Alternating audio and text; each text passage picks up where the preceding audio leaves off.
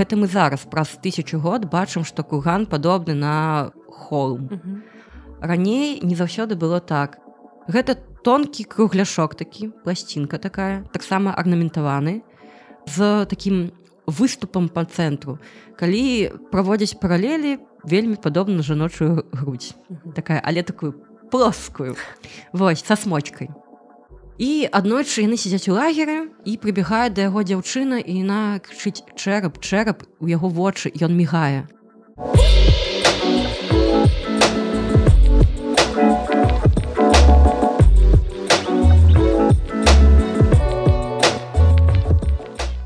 Добрый дзень шаноўнае гаспадарства з вами падкаст так склалася гістарычна і я дзягельганна і мы працягваем наш археалагічны сезон Недарма ён зімою, там што летам археолагаў у горадзе не знайсці, злавіць іх немагчыма. Таму зімой, пакуль яны на базе апрацоўваюць свае матэрыялы, мы іх усіх ловім. І сёння ў гасцях гісторык, археолог, кіраўнік вельмі цікавага класнага праекта крывіцкі край, за якім я з захапленнем сачу Вікторыя Тарасевич. Вітаю Вікторыя. Добрый дзень, шаноўна гаспадарства. Мяне ўжо прадставілі. Так я зімой у горадзе. Да, але там все сторы з крывіцкага краю былі запоўненыя раскопкамі што там капалі дзе капалі падрабязны рэпартаж я захапленнем за гэтым сачыла спасылкі на праект будуць у апісанні калі ласка подписывать я вось адразу запрашаю вас. Вікторыя раскажыце калі ласка на чым вы менавіта спецыялізуеце што з'яўляецца вашай сферы навуковых інтарэсаў так я як ужо была крэслена археолог і я цікаўлюся такім перыядам у гісторыі беларусі. Гэта сярэднявечча усе пра гэта чулі. Са школы мабыць памятаюць калі гэта было і да якога часу. Охерогі канешне крыху ўсё па-іншаму але грубо кажучы сярэднявечча і там ёсць такая суполка про якую таксама усе чулі мабыць такое слово са школьных падручнікаў гэта крывічы крывічы дрыгавічы радзімічы якой ча наш? Так так. І я непасрэдна цікаўлюся упрыгажэннямі крывічоў. Ну і ў цэлым хто такія крывічы адкуль яны ўзяліся што яны рабілі дзе жылі што елі. А крывічы на беларусе дзе яны вось археалагічна размяшчаліся?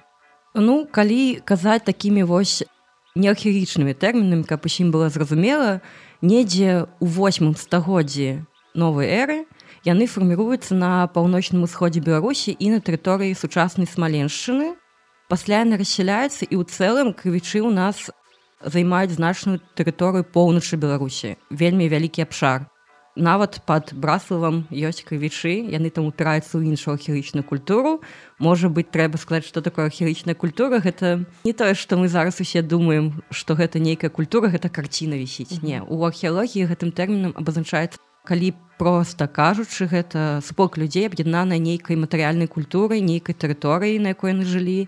І часцей за ўсё для сярэднявечча і больш ранняга часу архерычная культура вызначаецца па кераміцы і нейкім іншым рэчам напрыклад тым жа сам упрыгажэннем. Вось напрыклад калі уявіць школьны падручнік той же сам на які буду сёння мабыць часта спасылацца квічоў усіх могуць памятаць по такому малюнку дзе намаляваны акурат крывічы радзімічы драгавічы з такімі упрыгжэннямі як скроневыя колцы. Гэта знакамітыя таксама так. хрыстаматыйна так гэту рэканструкцыю рабіла людміла владимировна дучец таксама папярэдніца моя якая займалась даследаваннем крышоў і там можна узгадаць якія тыпы скроняў колцаў іх былі. І вось лічыцца што у крывічоў былі вось такія тоненькія дротавыя скроневыя колцы якія на гэтым малюнку выяўлены. Насамрэч гэта не так але мы про гэта пазней паразмаўляем. І вось гэтыя прыкметы нейкія керамічныя вырабы тэхналогіі вырабу гэтых пасудзін у прыгажэнні нейкія арнаменты гэта вось у пэўных перыядах на пэўных тэрыторыях у пэўных культур аб'ядноўваюцца як бы абразоўваецца такі масіў агульнасці матэрыяльнай культуры па якой археолагі і вылучаюць архаічную культуру ўсё для чаго каб просто было вывучаць каб прасцей. Гэта нейкі такі таксон якім археолагі займаюцца. Нейкім чынам как сістэматызаваць вось гэта так, ўсё. так. Але вось сярэднявечча такі перыяд якім знаходзіцца на стыку з ўжо пісьмовай гісторыі так так. І ці можна гаварыць пра нейкую этнічнасць вось менавіта сярэднявечных археалагічных культур так вы правильно адзначылі што ўжо стык з пісьмовымі крыніцамі але вось ёсць летапісныя звесткі дзе акурат такі упамінаюцца крывічы. І вось гэты стык ён як бы дае археологу магчымасць шукаць археалагічны адпаведнік для пісьмовай крыніцы. Вось напрыклад у нас узгадваюцца крывічы А хто гэта такія дзе яны жылі таксама ўзгадваецца і ў прынцыпу супастаўляючы нейкія пісьмовыя крыніцы археолагі прыйшлі да агульнай думкі што летапісныя крывічы тыя самыя летапісныя крывічы гэта так называемая культура смаленска-полацкіх доўгіх куганоў Вось мы выкарыстоўваем такі тэрмін абрэвіатура гэта кСПДК калі я буду казаць гэта страшнае слово вы не палохаецесь гэта ўсё ж тыя самыя крывічы але ўжо у археалагічным разуменні. кСПДК кСПДК культура смаленска-полацкіх доўгіх куганоў ну вось як бы па назве можна зразумець у прынцыпу дзе лакалізуюцца асноўныя жыхары носьбіты гэтай культуры у нас на тэрыторыі і на паўночным усходзе наколькі я ведаю крывічы яны вылучаюцца ж не толькі на беларусі на смаленскай вобласці а у рассіі таксама крывіцкая прысутнасць асноўныя помнікі гэта вось смаленшчына і ёсць асобныя звесткі пра тое што крывічы нават у старой ладазе вось. Але так гэта вось смаленщины крыху вось ад яе ўверх і ў бакі і тэрыторыя беларусі. А вось наколькі ведаю вылучаюцца звычайна тры групы. Вось смаленскія крывічы полацкія і скоўскія так гэта вось гістаграфічна ёсць такая думка але ад яе ўжо даўны-даўно адмовіліся ага. бо у пэўны момант як бы стара зразумерам падчас вывучэння стражытнасцяў другой паловы першага тысячагоддзя і пачатку другога што гэта розныя культуры. І тое што вось у нас у летапісу там крывічы полацкі крывічы смаленскія як бы тоеснасць матэрыяльнай культуры на аднолькавая. Таму аб'ядноўваецца гэта ў адно і вывучаецца як адно а не падзяляецца Ага, бок можна все ж таки сказаць што на, на гэтай прасторы крывічы былі больш-менш адной ну прынамсі матэрыяльнай культуры так а пскоскія крывічы скажем так раней не было падзелу як я ўжо казала вось стражытнасцяў там другой палу першага і пачатку другога. Гэта аб'ядноўвалася ўсё пад паняццем агульным культуры доўгіх курганоў. То бок знайшлі помнікі акурат доўгія курганы пакапалі іх і ну на пачатку даследавання толькі пачыналі пачыналіся даследаванні гэтых помнікаў іх аб'ядналі ў адну нейкую адзінку.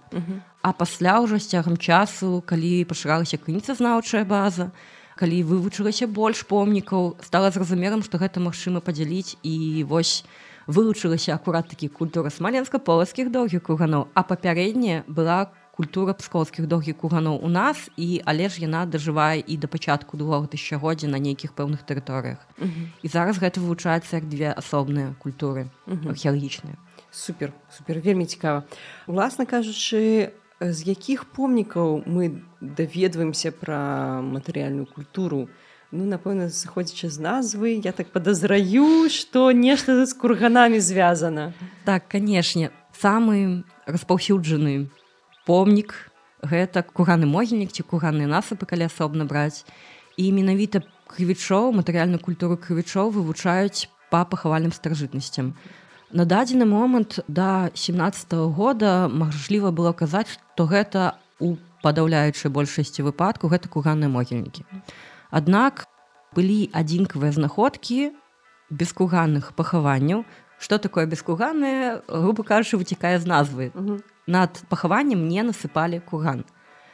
Але гэта былі адзінкавыя знаходкі і толькі вось у семнатым годзе там была выпадковая скажем так сітуацыя. Капаўся курганны могільнік это вёска наўры мядзельскага района мінскай вобласці.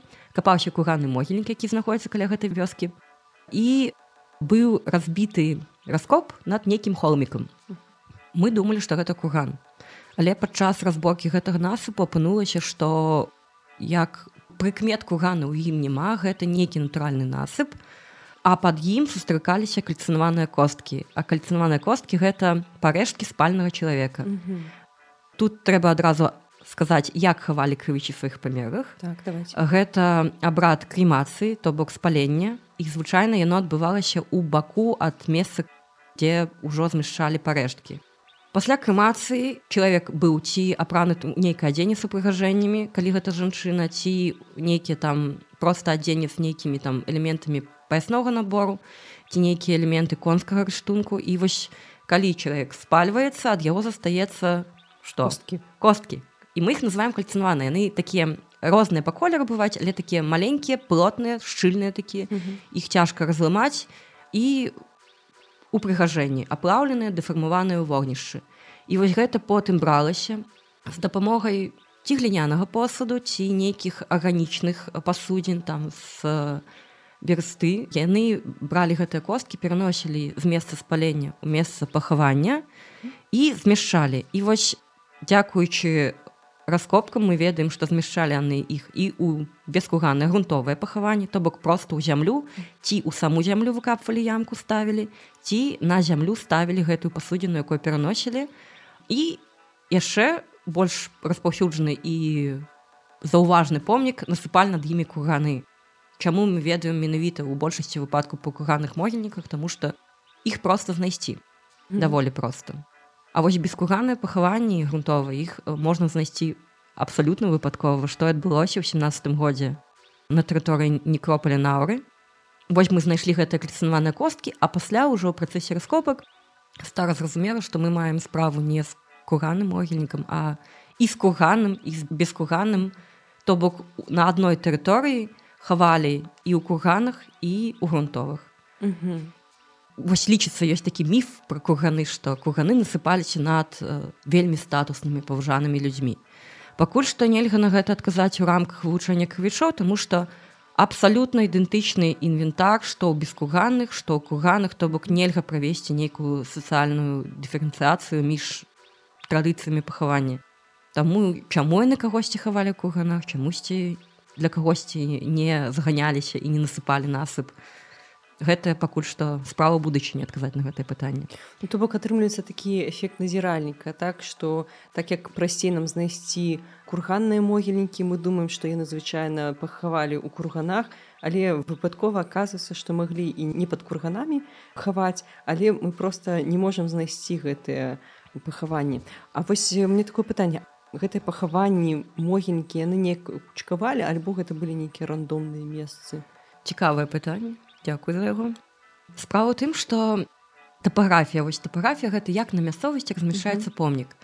У крывічоў у культуры смаленска-палскіх доўгі курну ёсць пэўныя нейкія заканамернасці ў размяшчэнні кураных могільнікаў. Яны, мабыць, любілі прыгожыя мясціны, былі такімі эстэтамі. Яны выбіралі да сваіх могільнікаў па-першае месца, якія знаходзяцца непадалёк ад вады.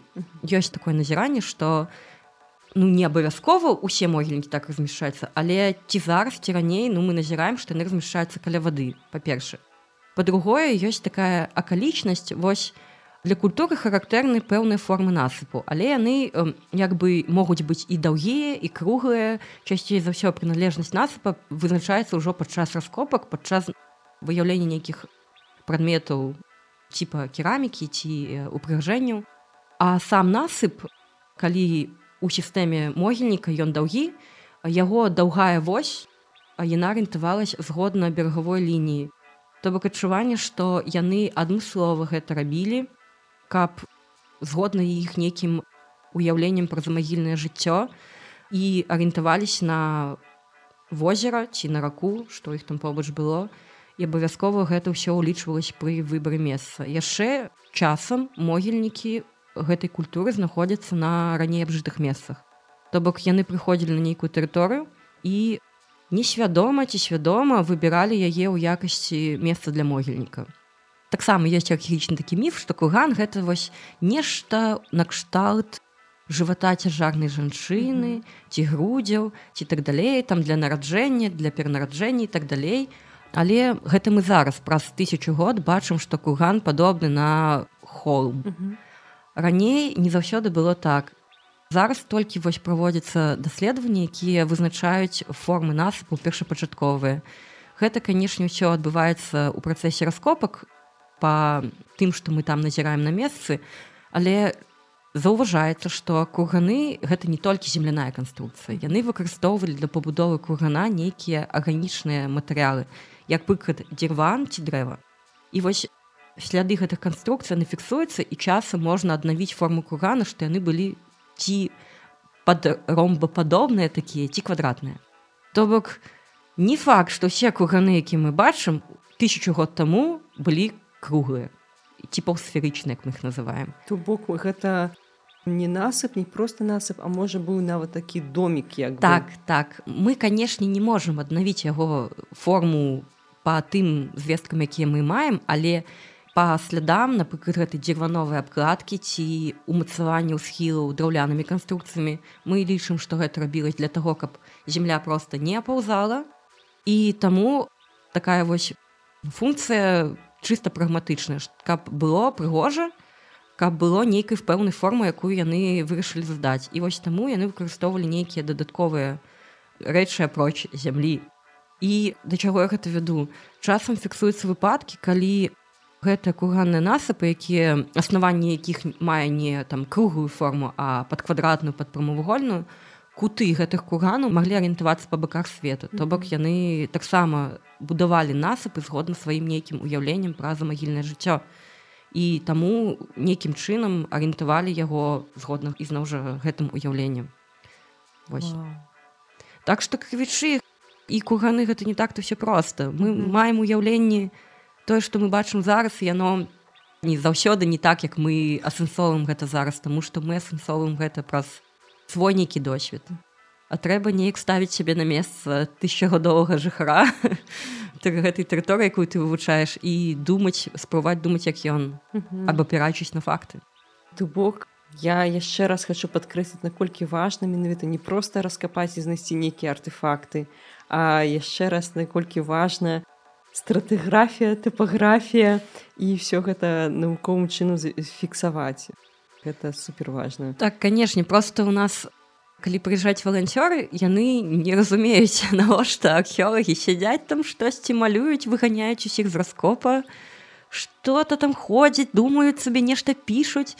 Яны не разумеюць. Для іх больш канешне паразумела і каштоўна гэта нейкае пахаванне ўжо знайсці зразумець што гэта о костка чалавека uh -huh. о гэта там кусок скроневого колца а для нас важны кантэкст. Uh -huh бо археалогія параўноўвалі ўжо знакамітыя археолагі параўноўвалі з крыміналістыкай. Mm -hmm. ты прыходзіш на месца умоўна кажучы злачынства і спрабуеш разабрацца як гэта здарылася і як гэта потым стала вось непасрэдна умоўна кажучы месцам захавання. Mm -hmm. і ты вось по фактам по нейкім простым плямкам па стратыграфіі па знаходках у тым ліку па месцы размяшэння аднаўляеш як тысячу год гэты курган насыпалі і як чалавека туды паклалі і што яму паклалі у якасці супроводжаючага ў замагільна жыццё інвентару Таму мы можна сказаць такі вось крыміналісты.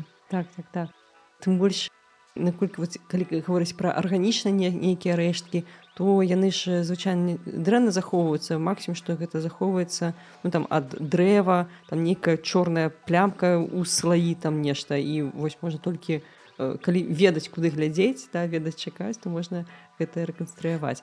А вось уласна кажучы пра інвентар давайте паговорым пра інвентар што ж мы калі ўсё ж таки нам шчасціць і мы знаходзім пахаванне вось костачки знаходзім які інвентар мы знаходзім у які бралі альбо суправаджалі крывічоў за магільнае жыццё? Ёсць такая рэч што падчас даследавання кураных старажытнасцей ужо без кураных непасрэдна з косткамі часцей за ўсё самы вось можна топ такі подвесці інвентару часцей за ўсё сустракаецца ляпная кераміка ляпная ад рукі то бок яшчэ не выкарыстоўвалі ці ўжо на позніх этапах існавання культуры. А культура каб ведалі храналагічныя рамкі датуецца пачаткам восьмага стагоддзя і заходзіць аж у першую палову ці сярэдзіну 11 стагоддзя. Гэта самыя познія помнікі на на паўночным захадзе беларусі датуецца такім часам і ў прынцыпе так фінал культуры і абазначаецца. Першай паловай сярэдзіна 11 стагоддзя. І канешне на працягу гэтых стагоддзяў інвентар ён быў не такім не маналітам. Як бы мода была пэўная нешта бралася нешта знікалася нешта нейкім чынам абменьвалася і атрымалася што у нас ёсць просто масіў пахаванняў на гэтае стагоддзе. І вось як я кажу што то першая знаходка гэта канешне ляпны гаршок як яго называюць археогі з плючаком археогі ўвогуле такія фантазёры не любяць даваць рэчам усялякі такія прыгожыя назвы тому што мы ж не ведаем як яна называлась тысячу год таму і вось гэта першая ляпная кераміка з плючаком злепленая без ганчарнага кола ці ўжо на апошніх фіналах існавання культур панікае ўжо ганчарны посуд у пахаванні увогуле адразу адзначуся што можа быць хтосьці з гэтага пасмяецца але ж так як ёсць. Як і зараз жанчыны тысячи год таму упрыгожвалі сябе мацней чым мужчыны то бок у менавіта вось культуры смаленска-полскіх доўгіх кураноў апроч нейкай тойснасці абряда пахавання яна вызначаецца менавіта па жаночаму пахавальнаму інвентару. І вось калі у мужчынскім пахаванні добра калі там ёсць гаршок добра калі там ёсць ножык добра калі там ёсць нейкія элементы паясной гарнітуры напрыклад спрашка вось рэмені застаецца а ў жанчын бывае па-багатаму як кажуць. Па-першае у жанчын былі вельмі прыгожыя калі аднаўляць цэлую форму тому што мы ж як памятам што крывічы палілі і рэчы пападалі вогнішы і тым ці іншым чынам яны фрагментаваліся. У іх былі галаўныя ўпрыгажэнні вельмі класныя. Вось калі ўявіць такі вяночак які мы сплілі з кветак. У гэта вось каб разумець што пра што я зараз буду казаць. У іх ёсць два тыпы як мінімум два тыпы галаўных упражэнняў які называюць галаўныя венцы якія былі зроблены з так называемых спіральных пранізак. Гэта вось калі дрот наматваўся на штосьці трымалась такая трубачка. І іх было некалькі шэрагу потым гэтыя трубачкі перахопліваліся такімі пласцінкамі каб трымаць форму. І гэта ўсё надзявалася на галаву. То бок калі перадумаць венчык з кветак і зрабіць яго металічным, то вось яны насілі такі венчык. Гэта першы тып венчыка быў яшчэ адзін, калі браліся такія ж спіральныя прынізкі, але ўжо больш буйной формы і таксама шчаплялись між сабой на нейкі арганічны носьбіт. І таксама апраналася на галаву, канешне, думаецца нам што гэта рабілась не на проста валасы тому что гэтыя спіральныя прынізкі спіралька нам мага упутвацца ў валасы. Mm -hmm яно рабілася на нейкі носьбіт з тканіны пра адзенне канешне размаўляць не атрымоўваецца амаль што таму што ну не захоўваецца адзенне у спаленні канешне так. Аднавіць яго немагчыма толькі можна прыцягваць аналогіі синхронныя па часу і па тэрыторыях і нейк меркаваць што яны ўва штосьці былі апрануты ну яўна яны былі ў нешта апрануты ну ёсць такая верагоднасць скажем так. Вось і ёсць яшчэ адзін тып галоўнага венчыка які ідэнтыфікуецца толькі на падставе аднаго пахавання якое здзейснена па абраду інгумацыі ўжо на фінальных этапах існавання культуры. Але яно маюць такі вось крывіцкі вобраз. Гэта венчык з трубачак які рабіліся калі папярэднія рабіліся венчыкі з сплаву на аснове медзі і выглядалі такімі жоўценькімі прыгожымі бліскучымі то гэты быў свінцова лавяністы нейкі сплаў і вось быў яшчэ такі тып венчыка пакуль што можна казаць пра такія галаўныя ўпражэнні канешне усім усе вядомыя з падручніка скронева колцы але але ў крывічоў былі не толькі такія скронева колцы ўсё ж такі жанчыны не былі такімі аднатыпнымі. Тое што намаляваны ў кнізе гэта ўжо ў старажытна-рускі час гэта вось межа тысячагоддзяў яно панікае ў асяроддзе культуры. Яны канешне выкарыстоўвалі такія дротавыя з тонкага дроту з конева колцы якіх завязваліся канцы. І гэты колцы в прынцыпу было лёгка вырабіць і атрымаць. Але у пачатку існавання культуры выкарыстоўваліся іншыя тыпы скроневых колцаў і менавіта пару з віду гэтых скроневых колцаў лічацца такімі вось культурнымі макёрамі. Вось ты паглядзеў вось у цябе пахаванне ты знайшоў гэтыя скронева колцы такі ого да гэта крывічы вось такое колца толькі ў іх і сапраўды гэтыя колцы яны існавалі толькі ў асяроддзі гэтай культуры. І гэта серпападобныя скронева колцы ёсць двух тыпаў. Там канешне трэба глядзець на карцінкі бо археологія без карцінак гэта так, так, так. я хотела сказаць что я Віктору попрошу даслаць мне карцінкі і потым асобным пастом зараблю пост у соцсетках. І пасля выхаду гэтага подкасту вы зможаце зайсці і паглядзець і канешне зайсці на праект крывіцкі край спасылка ў апісанні будзе і таксама там ёсць карцінкі так там шмат адукацыйных пастоў дзе можна акурат такі паглядзець што ж там насілі крывіцкія жанчыны і ўвогуле што за пахаванне як яны выглядаюць і так далей. Так што заходзьце. Так вось гэтыя коцы яны былі серпападобныя скроню коцы як быццам бы першы тып калі ўявіць два сярпы месяца накласці іх адзін на адзін і завучыць гэта дротам гэта вось першы тып. А другі тып гэта адзін такі вось серпападобны канец на які мацаваліся такія подвескі іх яшчэ называюць трапецападобнымі. То бок калі вы чуеце нейкія архічныя назвы адразу можна па назве вызначыць пэўную форму. І такое колца яно было такім шумячым. Ёсць такая катэгорыя подвеск якая называется шумячая і таму калі я думаю крывіскія жанчыны хадзілі ў гэтым скронем колцы яны так звінелі звінелі іх было чуваць. Яшчэ яны насілі іншыя тыпы скроневых колцаў таксама дротавыя але такія маленькія і іх называць пярсцёнка падобны тому что іх дыяметр ён акурат такі вось як пярсцёнак на пальчык. Яшчэ былі іншыя тыпы скроневых колцаў якія ў падручніках па гісторыі у школьных не маляваліся. Ёсць такое таксама лунападобна яго называюць. У яго вельмі шырокі серп месяца і ён такі плоскі. І вось гэты плоскі сярпок ён арнаментаваўся. Вось крывічы увогуле любілі дыктаваў час і неабходнасць. У іх не было шмат металу і большасць іх упрыгажэнняў гэта нейкія пласцінкавыя упрыгажэнні то бок не нешта такое аб'ёмнае цяжкое а такое тонкае лёгкае што можна было лёгка вырабіць і што не патрабавала шмат сыравіны. І вось гэтыя пласцінкі яны любілі арнаментаваць розным чынам. То бок гэта калі у вас там кулончыкі зараз нейкімі там узорчыкамі іх такое таксама вось было. І вельмі прыгожыя рэчы калі канешне яны яшчэ ў пахаваннях былі цэлымі было б зусім добра. Вось ёсць галоўныя венцы мы апранули нашу крывячанку ўжо галоўная венца mm. нацапілі нейкія скроневыя колцы а цяпер можна спусціцца паніжэй. Так чым жа яны упрыгожвалі шыйку? На шыйку яны канешне апраналі пацеркі. Кралі з пацерак. Пацеркі маглі быць самымі рознымі. Вядомы пацеркі касцяныя і металічныя і шкляныя адпаведна. Яшчэ яны маглі міксаваць пацеркі з нейкімі іншымі упрыгажэннямі тымі ж самымі трапецападобнымі подвескамі і гэта ўсё была адна нізка каралю і спіральнымі пранізкамі. Таксама падобны на тыя якія ўваходзілі ў склад галоўнога венца але такія шале на шыйку. Вось гэты мікс караляў яны яшчэ маглі падмацаваць шыйнай грыўняй. Гэта такі вось калі ўявіць кружок абручок які не самкнёны uh -huh. і яны бываюць таксама розных тыпаў з рознымі замкамі вось як у нас зараз ланцужкі нейкія кулончыкі замочак каб uh -huh. зашапіць у іх таксама ў гэтых шыйных грыняў былі такія замочки каб іх здымаць і апранаць і вось каралі нейкая шыйная грыўня і самае цікавае што у дадатак да гэтага мы зараз апранаем такую аморфную крывічанку але у межах пэўных пахаванняў у не абавязкова прысутнічае гэта ўсё гэта трэба разумець.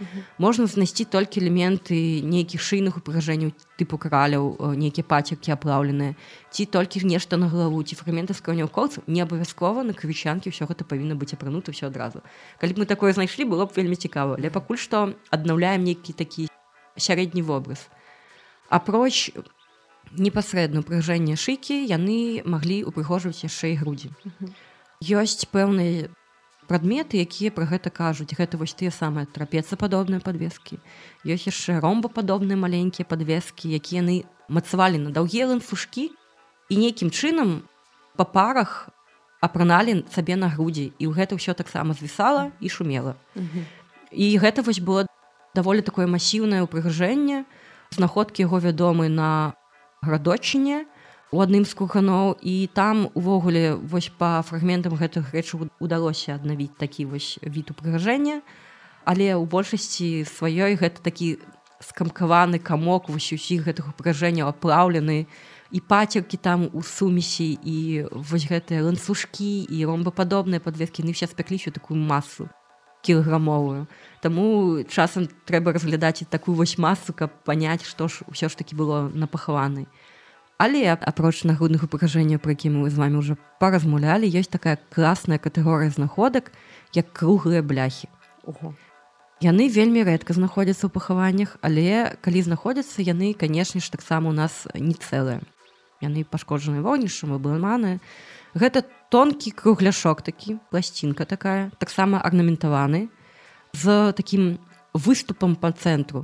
Калі праводзяць паралелі, вельмі падобна жаночую грудь такая але такую плоскую.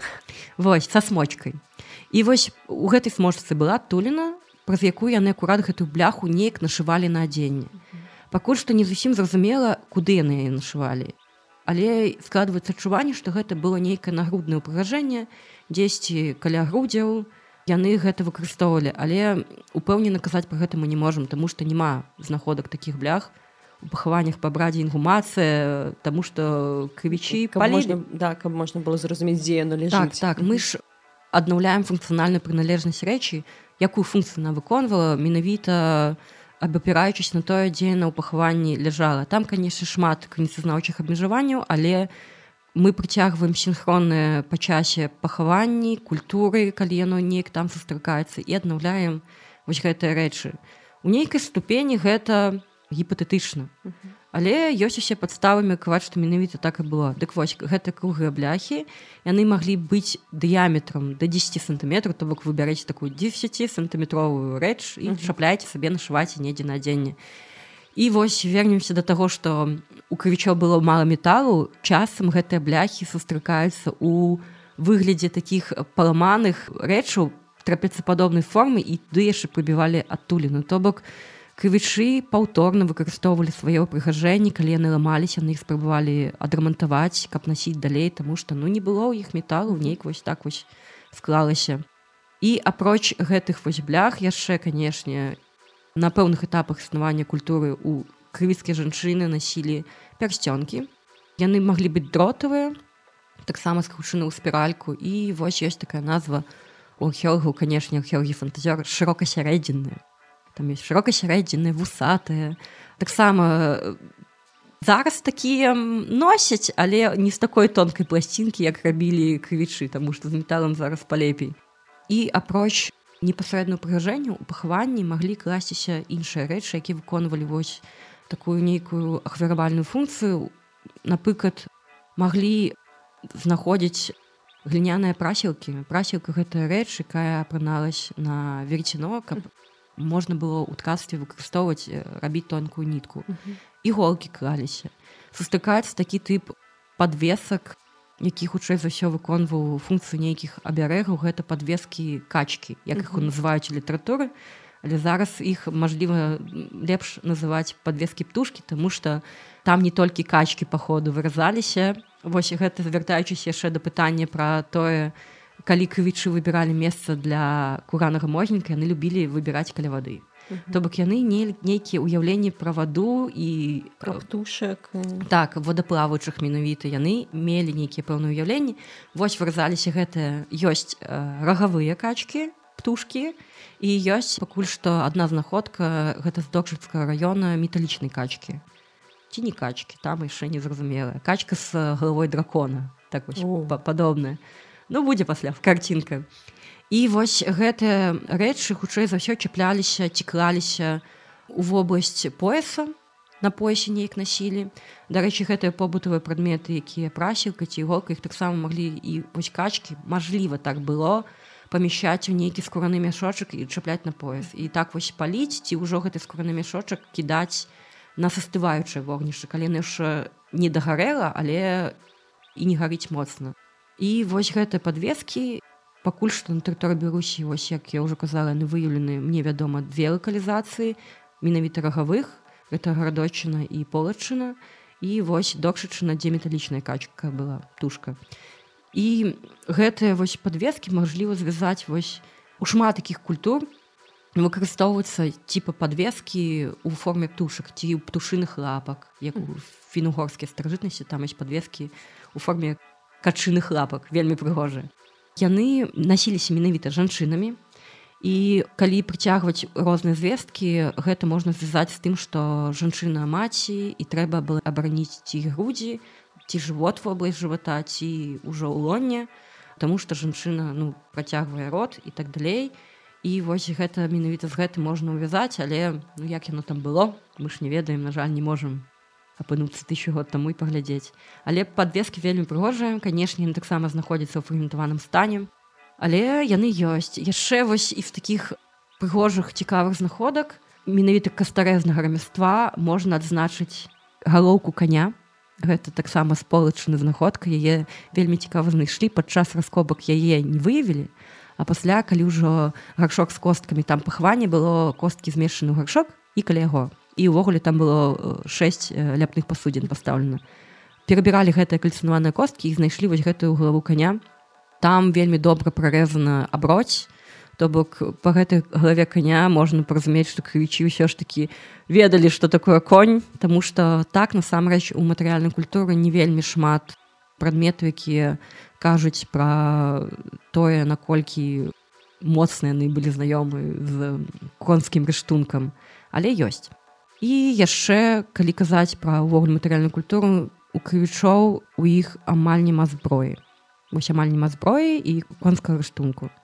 А вось жаночае пахаванне ну, такія багаты яшчэ ў жаночае пахаванні можа быць у такі ж мяшочак на поясе клаліся невялікія нажы калі гэта жаночае пахаванне. Ну мы іх знаходзім канешне без тронак без трыманняў.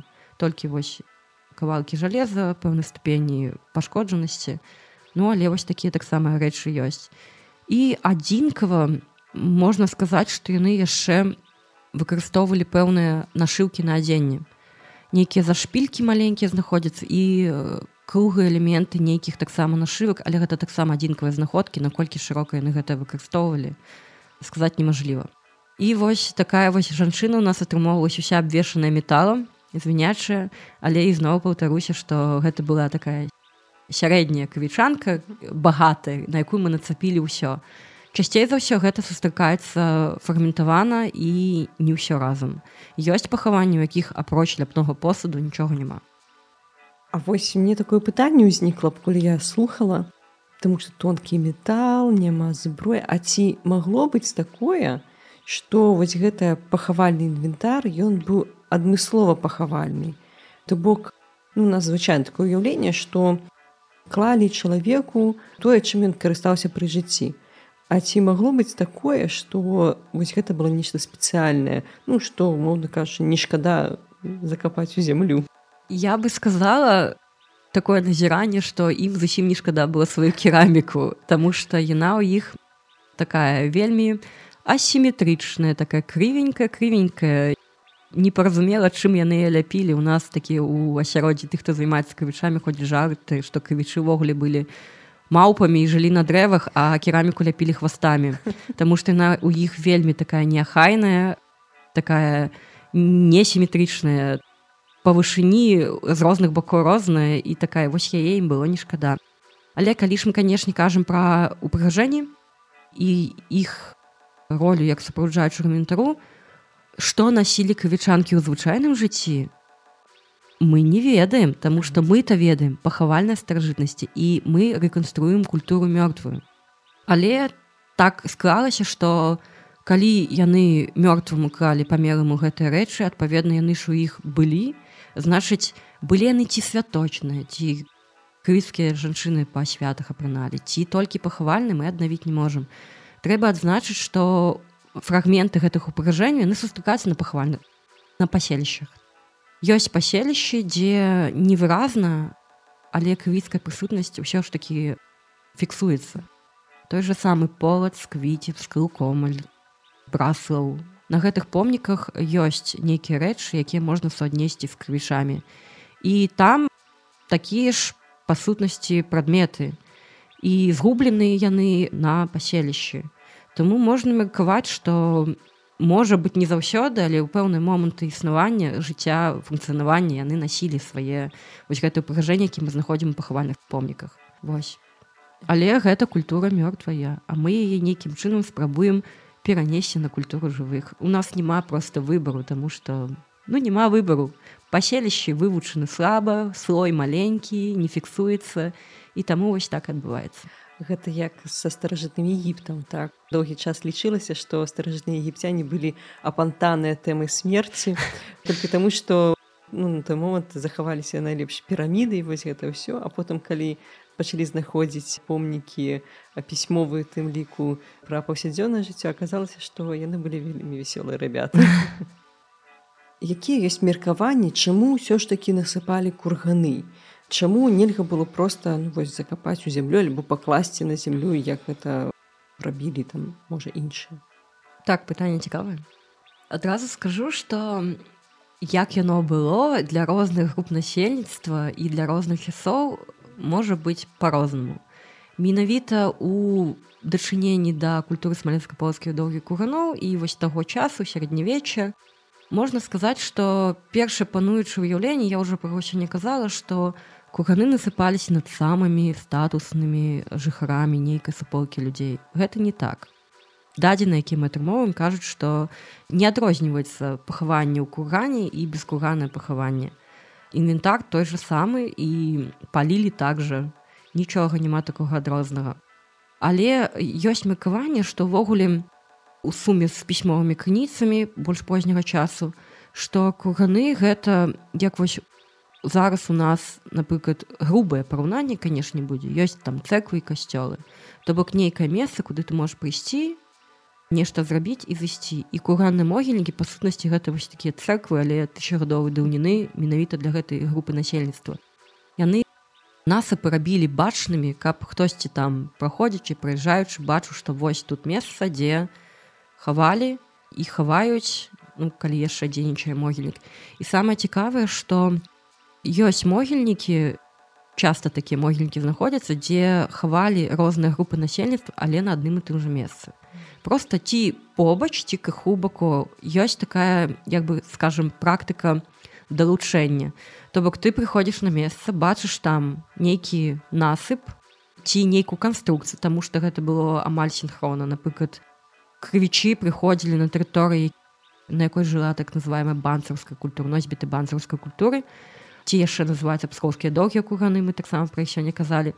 Бачылі нейкія канструкцыі і разумелі што тут можна хаваць. І яны далучаліся да гэтай тэрыторыі і насыпалі побач свае насыпы.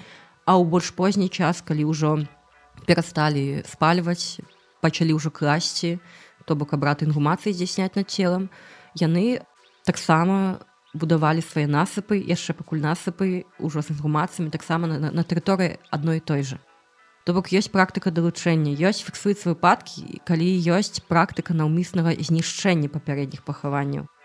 Наўмыснага і ў большасці выпадкаў ненаўмыснага, Таму што калі прыходзіла нейкае насельніцтва на нейкую пэўную тэрыторыю і вырашыла тут у нас будзе могільнік, яны маглі не заўважаць напрыклад ты самыя грунтовыя пахаванні, Таму што яны маглі быць нейкі храналагічны разыў хятус між двумя групамі насельніцтва.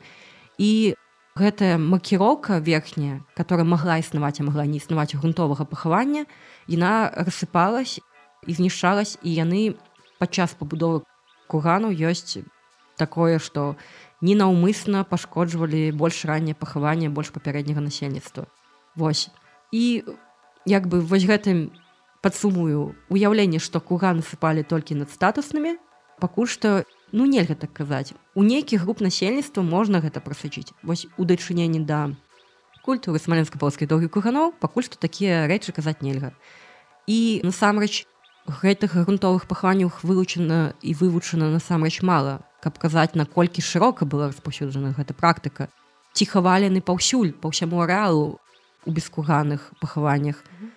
Пакуль што адказаць на гэта складана. Гэта справа часу і будучых раскопак другое падсумоўванне гэта тое што адна і тая ж тэрыторыя могла выкарыстоўвацца ў якасці пахавальнага помніка рознымі групамі насельніцтва рознымі храналагічна гэта другое. Трэцяе што была практыка як я ўжо казала дарушэння была практыка ненаўмыснага знішэння пахавання больш ранняга часу. І тут можна канешне гэта ўсё сказаць што гэта чыста прагматычная функцыя што месца зручнае і што папярэдняе насельніцтва лічыла што гэта месца зручна для стварэння нейкага куранага могільніка што будучае насельніцтва прыходзіла на гэтае ж месца і также яго лічыла зручным для сваіх патрэб. Ёсць яшчэ такі смешны архірычны міф што вось мы калі капаем могільнік мы заўсёды думаем дзе ж яны жылі. Ёсць такія нейкія пэўныя ўяўленні што у радыусе 5 кіламетраў павінны быць дзесьці паселішча. Так як на гарадзішчах прысутнасць крывішоў яна бліжэй якія размешчаны каля помніку яна ці не фіксуецца ці фіксуецца мінімальна значыць яны недзе жылі і вось калі мы прыязджаем на раскопкі мы ж шукаем месца каб разбіць лагер і адна з знакамітых ахірень сказала што рабяты капайце там дзе вы ставіце лагер Таму што што тады там было зручна а ў нас што якія прыкметы каб выбраць лагер каб побач было нейкая вада каб памыцца вады набраць каб гэта было высокае месца каб нас туманам не ахутвала па раніцах і мы не былі мокры ў сваіх намётах і ў прынцыпу старажытныя жыхары яны ж выбіралі тыя ж самыя па функцыі месцы каб вада была каб было высока і вось часам такое жаданне ёсць разбіць побач з намётам які ты паставіў раскоп каб паглядзець жылены там ці не жылі калі-нікалі такія рэчы мы рабілі ну як бы нічога пакуль не знайшлі ёсць меркаванне што крывічы жылі такімі вось хутарамі невялікімі групамі насельніцтва таму іх цяжка знайсці mm -hmm. гэта просто трэба перакапаць увесь лес побач з куганным могільнікам просто увесь лес тому что знайсці ну яно ж ну, не бачна у лесе -hmm. Вось і можна сказаць пра палявыя сезоны. Увогуле у нас група крывіцкі край гэта цэлая група людзей якая гэтым займаецца гэта прафесійныя археолагі гэта валанцёры якіх мы запрашаем кожны год далучыцца до нас. Таму что на жаль чыста археалагічнымі сіламі раскапаць адзін курган хаця бы адзін курган гэта цяжкавата бо гэта вельмі вялікая праца якая патрабуе шмат дзёны шмат высілак. Таму гэта група археолагаў якія дзейсныя археолагі група валанцёраў група лабарантаў скажем так. Усе мы збіраемся у пэўны час у пэўным месцы вызначаем куды мы ех едзем капаць згодна сваім навуком цікавасці Увогуле навуковай цікавасці суполкі крывіцкі край яны крыху больш шырокія, чым крывічы. Ну гэта так бывае у археолагаў. Гэта другая палова першае тысячагоддзя ўвогуле ўсё, што адбывалася на тэрыторыі паўночнай Беларусі ў гэты час і пачатак другога недзе да 13 стагоддзя. Самыя такія шыкоўныя цікавыя і утульныя экспедыцыі гэта вось, канешне, даследаванні шэраг сезонаў па даследаванню некропаля наўры, это комплекс археічных помнік які ўвогуле складаецца з двух курганных могільнікаў і вось бескурганных пахаванняў і паселішчаў але больш ранняга часу не на перыяд крывічоў вось даследаванні гэтага помніка. Некалькі сезонаў туды каталіся. У суме калі казаць з даваеннымі раскопкамі там ужо 10 палявых сезонаў. І намі і да нас даследчыкі правялі. Даследаваліся вось непасрэдна две гэтых курганных групы і бескуранныя пахаванні ну і шукалі паселішча капалі лес крывіцкай не знайшлі. Пасля у сувязі з тым што выявілі вось гэтае бескурганнае пахаванне тут трэба гаварыцца што гэта ўпершыню на тэрыторыі беларусі увогуле для крывіцкага арэала што выявілі на пэўнай плошчы не адно два як я ўжо казала што там у другой палы два стагоддзя было выяўлена два бескурганных пахаванні на гарадзішчы свіла адзін. Але менавіта вось першы раз выявілі вось такое бескуганны некропаль можна сказаць і ў сувязі з гэтым у мы зацікавілись непасрэдна пошукамі такіх жа пахаванняў на тэрыторыі іншых курганных могільнікаў. Такім чынам мы з'ездзілі яшчэ ў лейскі раён, пакапалі там могільнік гуры. Ён на беразе такой прыгожай ракі знаходзіцца вельмі утульнае месца.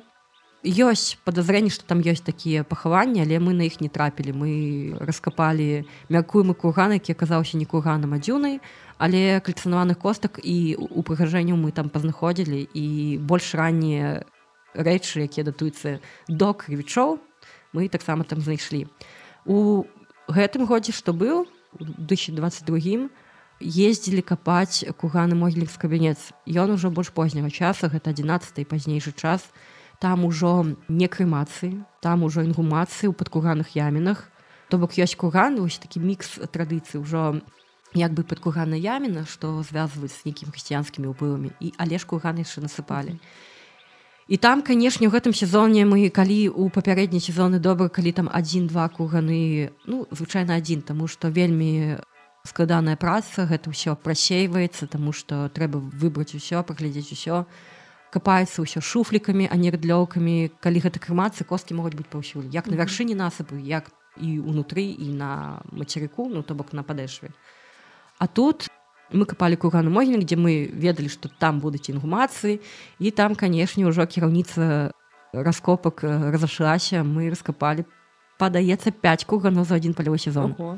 там у адным кургане звычайна ёсць такое уяўленне што адзін курган адзін пахаваны так не заўсёды ёсць вось мы знайшлі там у адным вялікім кургане парнае пахаванне там хутчэй за ўсё мужчыны жанчына і ўжо такія аздобы ў іх ужо больш познія вось гэтыя дротавыя скроневыя колцы паціўкі ўжо больш позняга перыяду нейкія ножыкі таксама мужчынскіх пахаваннях былі ножыкі і там было одно цікавае пахаванне у якім захаваўся толькі чэрап косткі самі не захаваліся такое бывае. Бывает што косткі спарахнеюць і мы толькі бачым магільную яму без нічога. Можам яшчэ рэчы сустрэць. Там было пахаванне куды была пакладзена нізка пацерак яна была не апранута яна была прям пакладзена і вось калі яго раскапывалі было акурат видно вось можна адзін в адзін аднавіць кралі там 800 гадовай даўніны mm -hmm. як яны там блакітны з белымі пацеркамі перамяжоўваліся як яны вось менавіта былі апранутыя бо для крычоў гэтага канешне зрабіць нельга. Мы маем толькі россып пацерак скажем так. А там прям інсіту лежалі вось нізка пацерак вельмі прыгожа глядзелась капаем мы прыкладна па месяцу. Па месяцу адзін палявы сезон і плюс яшчэ цягам пачатак лета і канец лета пачатак восені. Мы яшчэ ездзім такія разведачныя выезды. Гэта калі згадваюцца невялікія раскопы шукаюцца акураткі паселішчы правяраецца нейкая інфармацыя і вось такія выезды яны звычайна займаюць там ну два-тры дні такія вот раскопкі выходнага дня. Але вось калі стацыянарная экспедыцыя то часцей за ўсё месяц у гэтым сезоне 34 дні вось капалі і у мяне лагічнае запытанне як можна далучыцца да раскопкі ў якасці валанцёра так мы збіраем валанцёраў любых узростаў ну канешне паўнагадовых тому что ўсё ж таки адказнасць несці за людзей трэба збіраем валанцёру праз суполку вось у нстаграм крывіцкі край праз фейсбук там таксама есть суполка крывіцкі край і праз нейкую рэкламу напрыклад музеяў таксама далучаюцца до нас людзі любых прафесій з любымі асаблівасцямі харчавання гітранс таксама могуць далучацца вось і часцей за ўсё просто трэба сачыць за суполкамі звычайна бліжэй да конца вясны мы аб'яўляем куды мы едзем тлумачым што мы будзем капаць якія ўмовы харчавання пражывання бо яны бываюць самыя розныя. І ствараем google формы каб людзі далучаліся записываліся на пэўныя даты калі ім зручна то бок мы не не записываем людзей так канешне пажадана каб на ўвесь месяц до нас яны далучались гэта было б вельмі файна Але калі камусьці зручна на выходнае прыехаць на два-тры дні таксама гэта ўсё падтрымліваецца. Мы чакаем усіх, тому што на жаль, археічныя раскопкі ў Бярусі зараз здзяйсняюцца сіламі валанцёраў. Гэта вось асноўная сіла, якая дапамагае даследаваць зараз. Я паўтаруся, як я паўтараюся ў кожным нашым выпуску археалагічнага сезону, далучайцеся валанцёрамі, плануйце свой адпачынак правільна, гэта лепш чым паехаць некуды лепш паехаць у лес на прыроду з палаткай на месяц. І добрая фізічная праца свежае паветра здаровая ежа. Это лепшы адпачынак я таксама так лічу. Таму кожна лета так так так. У лес у крывіцкі край.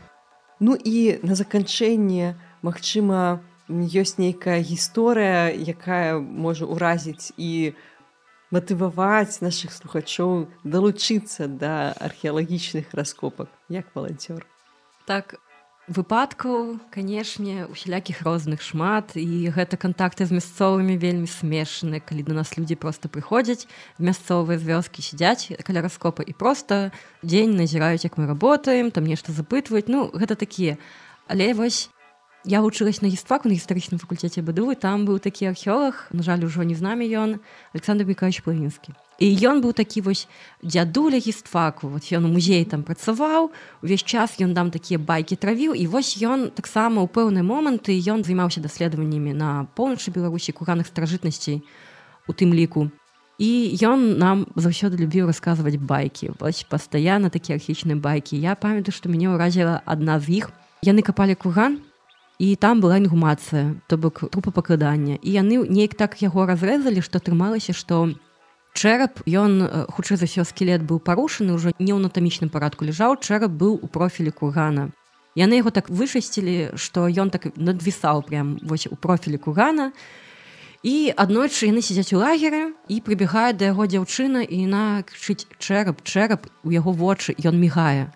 Яны такія думаю што там здарылось такое? Што там здарылось Крыцей пайшлі паглядзець, а ўчора просто ўнутр забралася жабка і скокала там. Яны так спалохаліся, так спалохаліся і ну вось атрымаўся што чэрап жывы чэрап мігае і вось такіх бакін шмат расказваў але гэтая звычайная справа калі ў раскоп звальваецца сямейства жабак сямейства вожыкаў тады з раніцы прыходзіш усіх адтуль дастаеш і вось гэты археолог ён такі вось быў вельмі жартаўлівы. І калі ён капаў типа вось наўры у 17 годзе і ён кажа что вы тут капаеце? Вот что вы тут капаеце? Тут какое-то вот все вот вас нецэнзурны слово выкарыстаў это жареная ідзіце туды капайце там нармальны гумацыі капайце там і ён яшчэ хадзіў і сабіраў пасля начных пасядзелак у вогнішча всякія рэчы якія хто забываў і потым на раніцу спрабаваў нам іх прадаць як бы тое што мы згубілі. Mm -hmm. ну канешне шмат гісторый з усялякімі рэхам вайны. Мне вось недавно рассказалі класную гісторыю. Таксама ўжо быў адзін археолог макушнікаў ён з гомельшчыны ён памёр недавно ён таксама ў пэўны час даследаваў адзін курган якім на гомельшын нават зафіксавана крывійская прысутнасць. Mm -hmm. то бок ну там ужо з палітычнымі падзеямі было звязанае насельніцтва перамяшалось і ён вось яго вучаніца расказваў гісторыю. Вот археолагі неяк своеасабліва адносіцца да смерці я б сказала. Яны нейк так вот ну ну да да не не. І вось капалі раскоп выбіралі слой і тут рылёўка наштухнулась на нешта металічнае ён такі так все з раскопа так павольна падыходзіць до гэтага раскопа залазіць у гэты раскоп і такой прынясіце мне там пэнзлікі ён такі яшчэ крупным шынка быў з такім пузікам. Ён так кладзецца ў гэты раскоп так вось у позу чуленчыка бярэ гэтыя там шчоткі пэнзлікі і начинае разбіраць расчышчаць тое што ён там знайшоў і ну ён расчышчае снаряд. Mm -hmm. і яму такі кажуць вы не баіцеся ну типа ну ж можа это такі ну калі да то да калі не то не і сядзіць далей расчышаюць ну пасля ўжо сапёру выклікалі але вось такія рэчы пра снаряды і вось александр микач плынскі расказваў я за сваю практыку пакуль што снаряду не сустракала можа быць і дзякуй богу вось але смешныя гісторыі з валанцёрамі адбываюцца ёсць людзі якія ніколі за жыццё там за 25 год там за там 30 год не бывалі ў лесе ў паходзе нават. І з такімі людзьмі вельмі смешныя гісторыі калі ты кажаш ну мыцца ў возеры такі да ну типа там некаторыя былі выпадкі по-моему дзяўчынкі фены з сабой бралі ў экспедыцыі у лес. У лес так да дрэва. Ім каза ну вы далучайце да дрэва смешна калі гэта нейкія студэнцкія практыкі таксама вось канешне за студэнтамі шмат клопату сашыць карміць але яны таксама адарваліся так скажем ад мамак. Прыехалі і вось адчулі свабоду але цяжкавата некаторым людзям жыць нават там пару дзён у лесе. Не ўсе да гэтага падрыхтаваны падрыхтаваны і... часам бываюць выпадкі што рэдкія што людзі не спраўляюцца з'язджаюць там ж яшчэ фізічная нагрузка. Але часцей за ўсё ты хто прыязджае до нас на раскопкі ў нейкі там пэўны сезон яны застаюцца з намі надоўга. На гэтай пазітыўнай ноце мы скончым наш выпуск. Дзякуй вялікі Вікторыя за такую цікавую размову за ваш праект і за раскопкі да за даследаванне крывіцкага краю.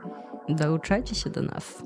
Дякую вам слухачы паўжаны так подписывайтеся далучайцеся і плануйце свой адпачынак правільна А я удзячная ўсім за тое што вы праслухалі гэты выпуск. Удзячная ўсім э, за тое што вы падпісаныя на соцсеткі. Калі раптам не падпісаны то зноў такі ў опісанні будуць спасылкі. Далучайцеся да соцсетак так сказалася гістарычна таксама. Я удзячная вельмі спонсорам на платформе патрыён дзякуючы вам ёсць магчымасць развіваць праект рабіць новыя цікавыя адгалінаванні ад яго прыходзяць новыя ідэі ёсць магчымасць іх рэалізаваць. Да новых сустрэч. Ставце лайки сардэчкі оставляйте каментарыі дасылайце гэты выпуск спасылкі на яго сваім сябрам там дзе вы слухаеце. Гэта ўсё вельмі дапамагае распаўсюджванню інфармацыя пра нашу гісторыю. І До новых встреч!